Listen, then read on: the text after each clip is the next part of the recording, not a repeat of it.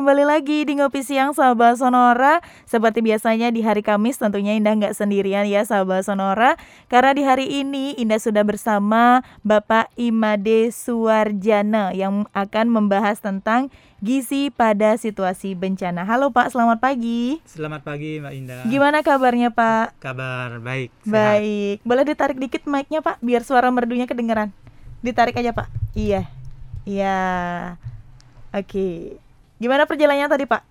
Ya lancar Mbak. Lancar, nggak macet Pak ya? Enggak Oke, jadi ini hari Kamis pertama kita bertemu di bulan eh, April ya Pak ya, bulan baru ya. Oke, jadi di hari ini sahabat sonora kita akan membahas terkait dengan gizi pada situasi bencana. Karena Indonesia sendiri memang eh, rawan bencana ya Pak ya. Oke, jadi eh, sebelumnya apa itu bencana Pak? Boleh dijelaskan sedikit Pak? Eh, Terima kasih Mbak Indah Eh, Di sini perlu saya sampaikan bahwa Memang upaya dari setiap eh, orang Untuk mempertahankan keadaan gizi tetap baik Mhm. Itu sangat penting Mhm. Eh, Kendati pun di dalam situasi bencana yang eh, kerap kali terjadi ya Mhm. Memang tadi sudah disampaikan bahwa posisi Indonesia itu adalah uh, sangat rawan sekali uh, akan terjadinya bencana dan ini sering memang cukup cukup uh, sering terjadi kita amati. Nah, intensitas kejadian bencana pun sangat tinggi dan, dan bahkan uh, peristiwa uh, bencana itu sebelumnya belum sempat ter Terprediksi uh, ya, Pak, ya? terprediksi sebelumnya Mhm. sehingga menimbulkan suatu kecemasan yang uh, sangat luar biasa.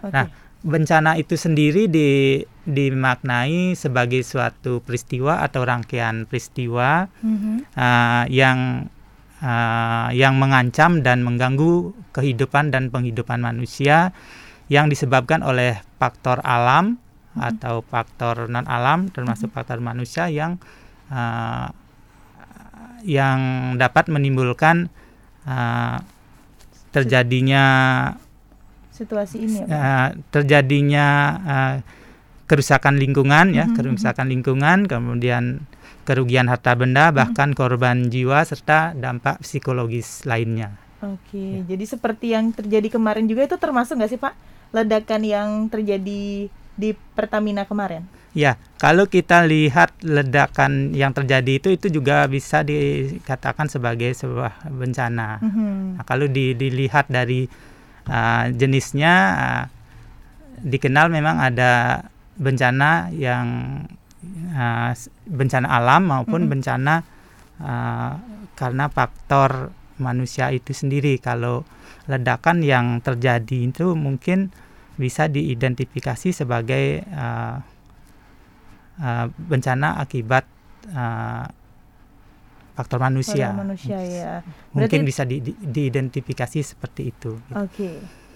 Untuk berarti itu termasuk ke dalam eh, saya sempat membaca juga ada sifat bahaya yang ditimbulkan dari bencana itu. Dia termasuk ke yang mana, Pak?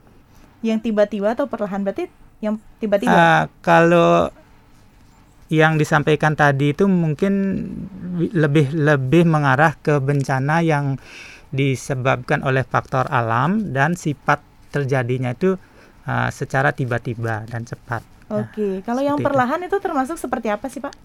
Ah, bencana yang, Yang sifatnya perlahan, perlahan-lahan kalau di kalau disebab yang disebabkan oleh faktor alam itu mungkin salah satunya adalah ah, ah, kekeringan ya, Mhm. ke- kekeringan Oke. itu bisa di itu termasuk bencana ah, alam yang ah, sifatnya terjadi secara perlahan-lahan Oke. gitu. Kalau gunung meletus itu, Pak?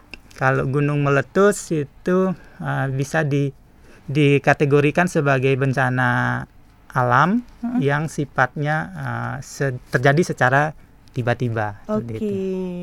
Dan juga ada seperti banjir dan badai gitu ya, Pak Ya, ya? banjir dan badai, kemudian gempa bumi, Mhm, uh, termasuk peperangan, kerusuhan itu merupakan uh, bentuk-bentuk bentuk-bentuk bencana. Oke, yang- berarti kemarin pengeboman yang terjadi itu juga termasuk bencana ya, Pak? ya? Iya, kalau pengeboman secara teori atau konsep itu juga bisa itu juga uh, bisa dikategorikan sebagai bencana mm -hmm. yang yang lebih mengarah ke faktor disebabkan oleh faktor manusia okay. uh, dan terjadi sa secara so, sangat tiba-tiba tanpa ada tanda-tandanya tanda -tanda gitu ya, tandanya seperti itu. Oke, okay. dan kita juga sekarang lagi di tengah bencana nggak sih Pak wabah COVID-19 ini termasuk juga kan Pak? Iya, kalau uh, COVID nah mm -hmm. itu adalah merupakan wabah ya pandemi mm -hmm. lebih luas lagi sifatnya itu ada itu uh, bisa di di kategorikan sebagai perpaduan ya antara mm-hmm. faktor alam maupun mungkin faktor manusia itu sendiri gitu okay. dan ter, eh, terjadinya juga sangat tiba-tiba seperti ya. itu. Ya. Oke, ya. jadi gitu sahabat sonora dibedakan menjadi uh, faktor manusia dan juga faktor alam dan terjadi perlahan dan juga tiba-tiba gitu ya Pak ya. Betul. Dan yang kemarin terjadi itu pengeboman dan ledakan itu juga termasuk ke bencana ya. Anda juga baru tahu sahabat sonora. Oke Pak, kita sekarang lanjut nih. Siapa sih sebenarnya kelompok rawan masalah gizi pada situasi bencana? Apakah orang tua, anak-anak atau yang seumuran dengan Indah gitu? Iya.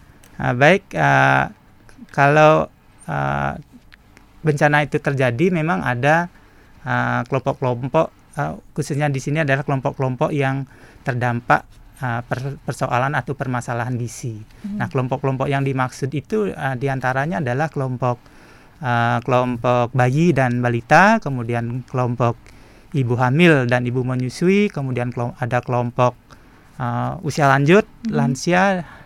Demikian juga uh, ada kelompok difabel yang memiliki keterbatasan fisik mm -hmm. dan kelompok kelompok yang mempunyai penyakit kronis mm -hmm. seperti misalnya DM, hipertensi dan penyakit jantung dan sebagainya seperti itu. Okay. Itu adalah kelompok-kelompok yang uh, yang sangat rawan, sangat rawan ketika ya. bencana itu uh, terjadi. Oke, okay. uh, jika bencana seperti tengah pandemi ini seperti lansia gitu dan anak-anak gitu ya Pak ya? Iya, seperti okay. itu. Oke, nah Selanjutnya nih Pak, kita sebelum kita jeda dulu kita bahas lagi satu uh, yaitu dampak dari terjadinya ketika bencana. Apa dampak yang terjadi ketika bencana itu Pak? Uh, kalau kita melihat dampak ketika bencana itu terjadi, uh, memang uh, yang nampak atau kelihatan secara fisik itu adalah uh, adanya kerusakan fisik seperti uh, kerusakan sarana tempat. Mm -hmm. uh, dan sebagainya itu yang yang itu yang nampak tetapi yang sesungguhnya yang mendasar permasalahan hmm. yang muncul itu sangat sangat banyak sekali dan luas sekali. Salah satunya adalah permasalahan gizi akan hmm. terjadi uh, masalah-masalah gizi yang uh, akan bisa nampak pada uh, kelompok sasaran. Selain permasalahan gizi ya ada uh, uh, dampak yang lain seperti meningkatnya angka kesakitan akan hmm. muncul di situ penyakit-penyakit uh, yang akan ada yang akan muncul kemudian kemudian uh, akan muncul juga uh, angka kematian dan uh, dampak kemiskinan pada masyarakat yang sifatnya berkepanjangan gitu. Jadi hmm. luas, luas sekali dan mendasar sekali tidak hanya uh, dilihat dari kerusakan fisik yang yang yang lebih banyak uh, kita bisa saksikan gitu, -hmm. tapi yang mendasar itu tadi. Oke, okay. ya. tidak hanya secara fisik saja ya Pak ya, banyak hal-hal lain yang perlu kita perhatikan juga ketika terjadinya bencana dan dampaknya ini kepada korbannya ya Pak ya. Iya, betul. Oke, okay. nanti kita bakal bahas lagi ya sahabat sonora. Kita kan tadi bilang mau membahas tentang gizi ya, tapi kok jadi ngomongin bencana. Nah, ternyata ini ada kaitannya dan nanti kita akan bahas apa sih kaitan antara gizi dan juga terjadinya bencana.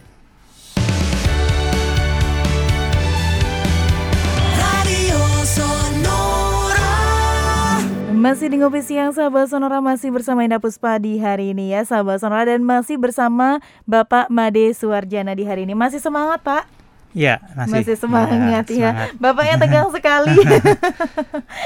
Oke, Pak, kita udah siap lanjut lagi nih, Pak. Oh iya, silakan. Oke, kita mau melanjutkan lagi nih sahabat Sonora membahas terkait dengan apa kaitannya dengan gizi ya dari dampak bencana tersebut. Tapi sebelum itu makasih yang buat sahabat yang sudah bertanya ya nanti bakal dijawab pertanyaannya di sesi ketiga oleh Bapak Madi Suwarjana. Tapi sebelum itu kita mau membahas dulu apa kaitan bencana dengan gizi, Pak. Silakan. Ya, uh, tadi sudah di, disinggung bahwa masalah gizi itu adalah salah satu permasalahan yang mendasar uh-huh. uh, yang dirasakan ter terutama pada kelompok-kelompok uh, rawan. Nah, uh, gizi itu di dimaknai sebagai interaksi antara makanan, asupan makanan dengan proses biologis, uh-huh. uh, sosial, ekonomi yang mempengaruhi pertumbuhan, uh, fungsi maupun perbaikan tubuh itu sendiri. Nah, uh-huh. ketika bencana itu terjadi, memang uh, persoalan atau permasalahan gizi merupakan hal yang utama. Uh-huh. Nah, karena pada saat itu uh, akan terjadi uh, perubahan uh, deraj perubahan kesehatan masyarakat secara uh, secara drastis. Mm-hmm. Ini tidak terlepas dari uh, situasi atau kondisi yang uh, ada pada saat ke, uh, bencana itu terjadi seperti uh, ketakutan, kekhawatiran, mm-hmm. uh, ke, uh, ke uh, akan kekurangan hmm. bahan makanan itulah yang yang sedapat mungkin uh, ikut mempengaruhi proses uh, interaksi antara makanan dengan tubuh gitu. Okay. Uh, itu yang yang yang berdampak. Artinya penyerapan itu tidak akan tidak akan terjadi secara optimal kalau -hmm. tubuh itu kita kalau tubuh mengalami suatu gangguan atau ketidaksiapan untuk menggunakan zat-zat uh, yang yang ada di dalam makanan untuk uh, pertumbuhan dan perbaikan sistem tubuh seperti itu. Gitu. Oke, kecemasan ya. dan kekhawatiran itu juga termasuk ya Pak yang mempengaruhi uh, penyerapan gizi ke dalam tubuh gitu ya Pak? Ya, ya? betul. Oh, itu okay. itulah yang banyak terjadi uh -huh. uh, ketika bencana uh, terjadi yang yang kita bisa lihat perhatikan uh -huh. uh, terutama di daerah-daerah pengungsian penampungan uh -huh. itu uh -huh. kecemasan dari uh, para pengungsi. Uh, para pengungsi itu uh, paling paling besar sekali dampaknya Gitu. Oke, gitu. jadi tidak hanya keterbatasan pemenuhannya saja ya Pak ya, karena itu memang e, saat bencana memang pemenuhannya pasti tidak seperti keseharian kita ya Pak ya. Iya betul. Oke, jadi itu sahabat sonora dipengaruhi juga dari e, e, kondisi kesehatan, e, kondisi hati ya Pak ya, iya. perasaan iya. ya saat kita sedang di tempat pengungsian juga. Nah, gimana prinsip gizi dalam situasi bencana ini Pak? Ya, sama dengan uh, situasi normal ya pada prinsipnya.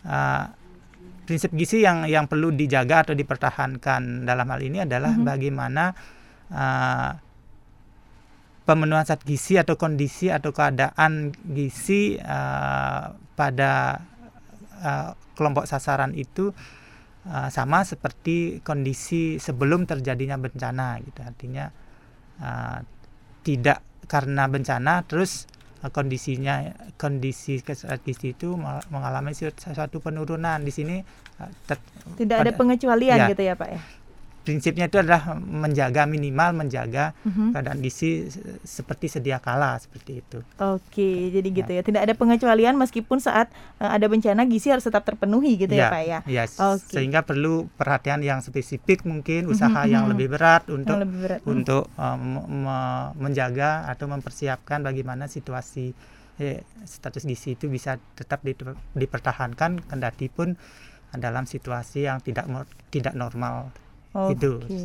Jadi gitu ya. Harus lebih membutuhkan perhatian lebih ya Pak untuk pemenuhan ya. gizi di saat bencana. Ya perlu tenaga ekstra di situ ya. Nah, untuk permasalahan gizi nih Pak yang biasanya terjadi ketika uh, penanganan bencana itu seperti apa? Ya. Uh, mungkin bisa saya contohkan mm, sebagai salah satu penanganan yang yang pernah kita lihat uh, dalam penanganan penanganan uh, masalah gizi bencana ya. Uh -huh Uh, salah satunya adalah uh, pemberian mie instan, artinya uh, dalam penanganan-penanganan apa bencana selama ini uh, seperti itu yang banyak kita lihat. Mm-hmm. Uh,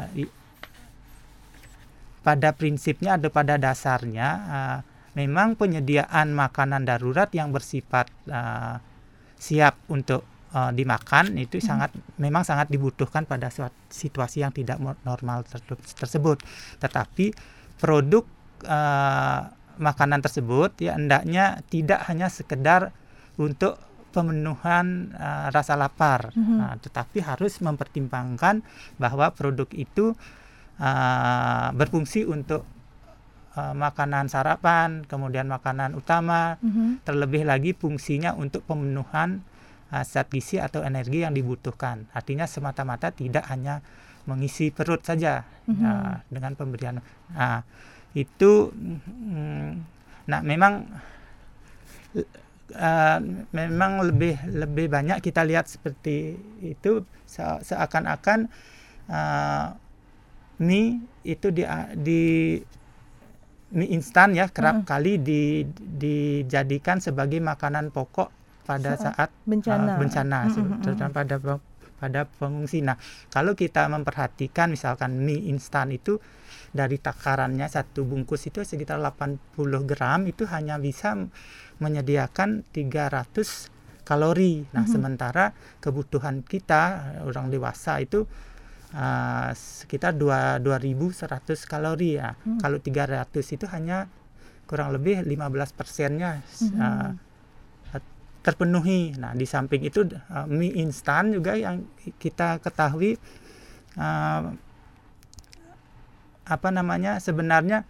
Kandungannya. kandung da- dilihat dari kandungannya Mm-mm. juga ya uh, itu di- kurang cocok diberikan pada uh, pada kondisi-kondisi yang sedang mengalami stres Oh, kekhawatiran karena justru itu akan menurunkan vitalitas dan uh, daya tahan pada Oh. pengungsi tersebut. Mm-mm. Nah, di samping itu mie instan yang yang kerap kali diberikan itu uh, uh, dilihat dari kandungan uh, zat adit aditifnya ya Mhm. seperti uh, bahan pengawet, Mm-mm, bahan penambah rasanya itu mm-mm. justru akan berdampak berdampak kurang bagus pada uh, Kesehatan. kesehatan pengungsi itu sendiri gitu. Oke. Gitu. Nah, di samping itu juga uh, mungkin uh, tidak jarang ya uh, Mm-mm. mie instan yang yang kita ini berdasarkan pengalaman ya Mm-mm. tidak jarang mie instan yang di, dikonsumsi itu sudah uh, kedaluarsa. Nah, Oh. kedaluarsanya itu mungkin karena bukan faktor sengaja tetapi uh, Distribusinya. per- uh, uh, masalah distribusinya Mhm, ya mhm. pengiriman ke lokasi pengungsian itu ter, ter- Terhambat. terhambat. Ah, Nah, oke. karena itu da- tadi uh, situasi kerusakan uh, apa sarana prasarana ya iya. termasuk Mm. kerusakan jalan itu Mm, kan mm, bersifat menghambat distribusi. Mm-hmm. Nah, mungkin seperti itu. Terus di di dibuang sayang kalau Mm-mm. dimanfaatkan ya justru lebih berbahaya, berbahaya, akan ya. bisa menimbulkan persoalan uh, kesehatan yang Kesehatan lain ya. lain, oke. Contohnya misalkan diare ya Mhm, mhm. sebagai akibat ke, keracunan dari Mhm. uh, Mie mie, instan yang yang dikonsumsi yang kedaluarsa Oke. seperti itu yang mungkin yang bisa bisa kita lihat uh, sebagai sebuah gambaran penanganan uh, Bencana yang tepat ya, Pak, ya? Iya, seperti itu salah satu contohnya. gitu. Oke, nah permasalahan lain nih Pak yang kerap dijumpai eh, dalam penanganan gizi di situasi bencana seperti apa? Ya kalau persoalan lain Hmm. uh, yang kerap terjadi secara umum ya dari dari beberapa dari beberapa kejadian uh, bencana itu Mhm. ya di antaranya itu adalah uh, keterbatasan ya keterbatasan Mhm. uh, konselor ASI. Nah, konselor ASI ini berperan penting sekali untuk mendampingi uh, para ibu-ibu yang menyusui ya. Nah, mm, para ibu menyusui di terutama di daerah pengungsian. Mhm.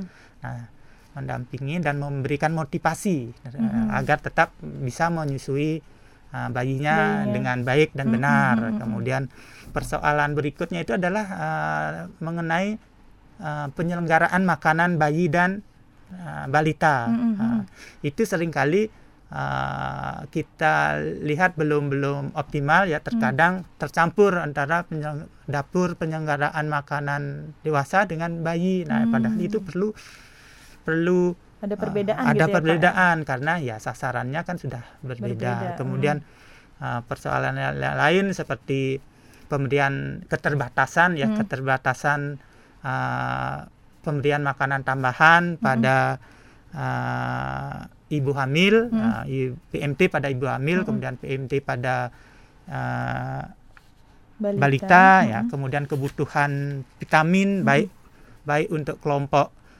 uh, usia 6 sampai 11 bulan Mhm. maupun uh, kebutuhan vitamin A untuk kelompok 11 sampai uh, 5 tahun. Mhm. Demikian juga pemenuhan uh, zat-zat eh apa namanya? suplemen-suplemen yang lain seperti vitamin C ya Mhm. terutama yang di diberikan kepada kelompok kelompok sasaran ya seperti remaja, anak, Hmm. uh, lansia atau kelompok yang uh, dengan penyakit penyakit penyakit uh, kronis tadi ya. Termasuk juga uh, pemberian tablet tambah darah pada ibu hamil dan pem pemberian tablet tambah darah pada ibu ibu menyusui. Nah, itu persoalan-persoalan uh, atau permasalahan-permasalahan yang yang secara umum bisa di, dirangkum atau dilihat dari pengalaman-pengalaman uh, kejadian bencana hmm. yang sudah terjadi. yang sudah terjadi seperti itu persoalan atau permasalahan gizi yang bisa di diidentifikasi okay. secara umum ya. Ternyata banyak sekali ya kendala-kendalanya ya Pak ya. Tidak hanya dari internal saja, dari eksternal juga berpengaruh ya. Oke, nanti kita bakal bahas sahabat Sonora yang udah bertanya juga nanti kita akan jawab pertanyaan dari sahabat Sonora yang akan langsung dijawab oleh Bapak Made Suwarjana dan juga kita akan membahas uh, topik selanjutnya.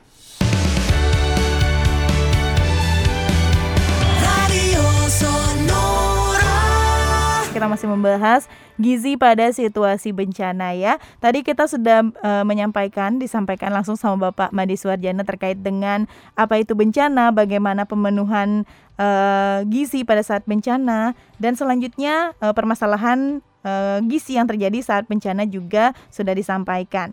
Dan selanjutnya ada beberapa pertanyaan yang disampaikan nih Pak oleh sahabat Sonora. Ada yang bertanya itu dari Dika di Kelungkung uh, nanyanya ini pertanyaan udah dijawab sih tadi sama bapaknya mungkin dia nggak dengar nah katanya ketika bencana biasanya korban diberikan konsumsi mie instan nih pak. Apakah gizinya itu terpenuhi? Dan jika tidak bagaimana harusnya untuk memenuhi gizi mereka? Iya. Uh, tadi saya sudah sampaikan uh, untuk uh, pemberian mie instan bukan mm. bukan bukannya dilarang itu mm. pada pada pengalaman menunjukkan seperti itu seakan-akan mm uh, pemberian mie instan itu dijadikan makanan pokok. Mm -hmm. uh, pagi ini mie instan, siang mie instan, malam juga mie instan. Nah, itu mm -hmm. uh, itu kerap kali kita jumpai pada penanganan-penanganan yang keliru. Itu mm -hmm. ada merupakan ke Nah, uh, seperti yang saya sampaikan tadi uh, itu hanya saat saya contohkan tadi uh, satu takaran mie instan yang 80 gram itu hanya mampu untuk menyupport sekitar 15% dari kebutuhan harian uh, gizi orang dewasa. Nah, hmm. Nah, itu itu artinya uh, tidak memenuhi kaidah-kaidah atau prinsip-prinsip uh, gizi seimbang yang yang memang menjadi hal yang harus di dikedepankan untuk uh, jangan sampai uh, para korban bencana itu justru mengalami penurunan keadaan gizi gitu. Mm -hmm. Oke. Okay. Ya. Ada lagi Pak? Ya, hanya itu yang yang uh, bisa kita lihat. Mm -hmm. Berarti pe, uh, pemenuhan pemenuhan uh, apa namanya pemenuhan zat gizinya itu belum belum bisa optimal. Nah, ya tetap harus di dipadukan atau di di ko, ko, apa kolaborasi dengan bahan-bahan makanan yang lain ya yang yang beragam mm-hmm. berimbang ya se, se, seperti sebagaimana prinsip-prinsip gizi seimbang yang dianjurkan gitu. Oke, jadi Seperti harus itu. diimbangi gitu ya Pak harus ya. tetap diimbangi ya. Oke. Ada Laksmi juga Pak, ide dari Denpasar nanyanya, gizi seperti apa sih yang Pak yang perlu kita paling utamakan dipenuhi di tengah masa pandemi yang dianggap juga sebagai bencana ini Pak? Ya, uh, untuk pemenuhan zat gizi ketika pandemi eh, COVID-19 uh, ini hmm. ya ya itu mungkin yang perlu di, ditambahkan ya yang perlu di diutamakan adalah hmm. uh, protein ya hmm. mungkin proteinnya yang perlu dilebihkan karena apa karena untuk mengantisipasi kondisi-kondisi uh, orang yang mengalami uh, yang sedang menderita COVID. Artinya di situ ada kecemasan, ketegangan sehingga uh, proteinnya itu yang harus dilebihkan ya. Mm-hmm. Memang uh, konsep dasar pemenuhan gizi seimbang, uh, gizi seimbang itu kebutuhan kebutuhan akan protein itu uh, hanya sekitar uh, sekitar 10 uh, apa sekitar 10 sampai 15 persen mm-hmm. nah, untuk pemenuhan. Nah mungkin itu yang yang harus di, di, ditingkatkan. Jadi okay. uh, melebihi harus ditambahkan dari dari keten, apa persentase tersebut mm-hmm. ya mhm. mungkin karbohidratnya yang yang dibatasi. Ya okay. semata-mata protein ini diarahkan untuk uh, memperbaiki uh, kondisi situasi atau kondisi yang yang menyebabkan muncul kekhawatiran, ketegangan dari uh, dari pengungsi, ya, pengungsi itu hmm. sendiri gitu. Proteinnya yang mungkin lebih diting ditingkatkan secara secara umum secara garis besar secara, ya, Pak, secara ya? garis besarnya gitu. Oke. Terus ada Rai Pak dari Gianyar katanya apa sih Pak yang terjadi jika uh, saat bencana gizi dari korban ini tidak dipenuhi? Ya. Sudah pasti ya kalau uh, sudah pasti kalau zat gizi yang yang semestinya uh, dipenuhi dipenuhi itu tidak tidak terpenuhi ya sudah pasti akan menimbulkan persoalan persoalan persoalan gizi ya kalau mm -hmm. kalau balita ya uh, yang tadinya berstatus gizi normal ya akan menurun statusnya apakah hmm. menjadi status, status gizi kurang atau bagaimana demikian hmm. juga yang yang tadinya berstatus gizi kur, uh, kurang ya hmm. akan mengarah ke status gizi buruk, buruk ya pada hmm. prinsipnya akan me, me, me, apa, mengalami penurunan status hmm. gizi nah, dari kondisi sebelumnya. Oke, ya. jadi itu sifatnya sifatnya sangat in, individu sekali. Ya. Hmm. Oke, jadi itu ya sahabat sonora dampaknya itu luar biasa sekali kalau kita tidak e, memperhatikan gizi di saat terjadinya bencana juga. Nah Pak, untuk e, di sesi terakhir nih, upaya pemerintah dalam penanganan gizi dalam bencana itu seperti apa seharusnya Pak?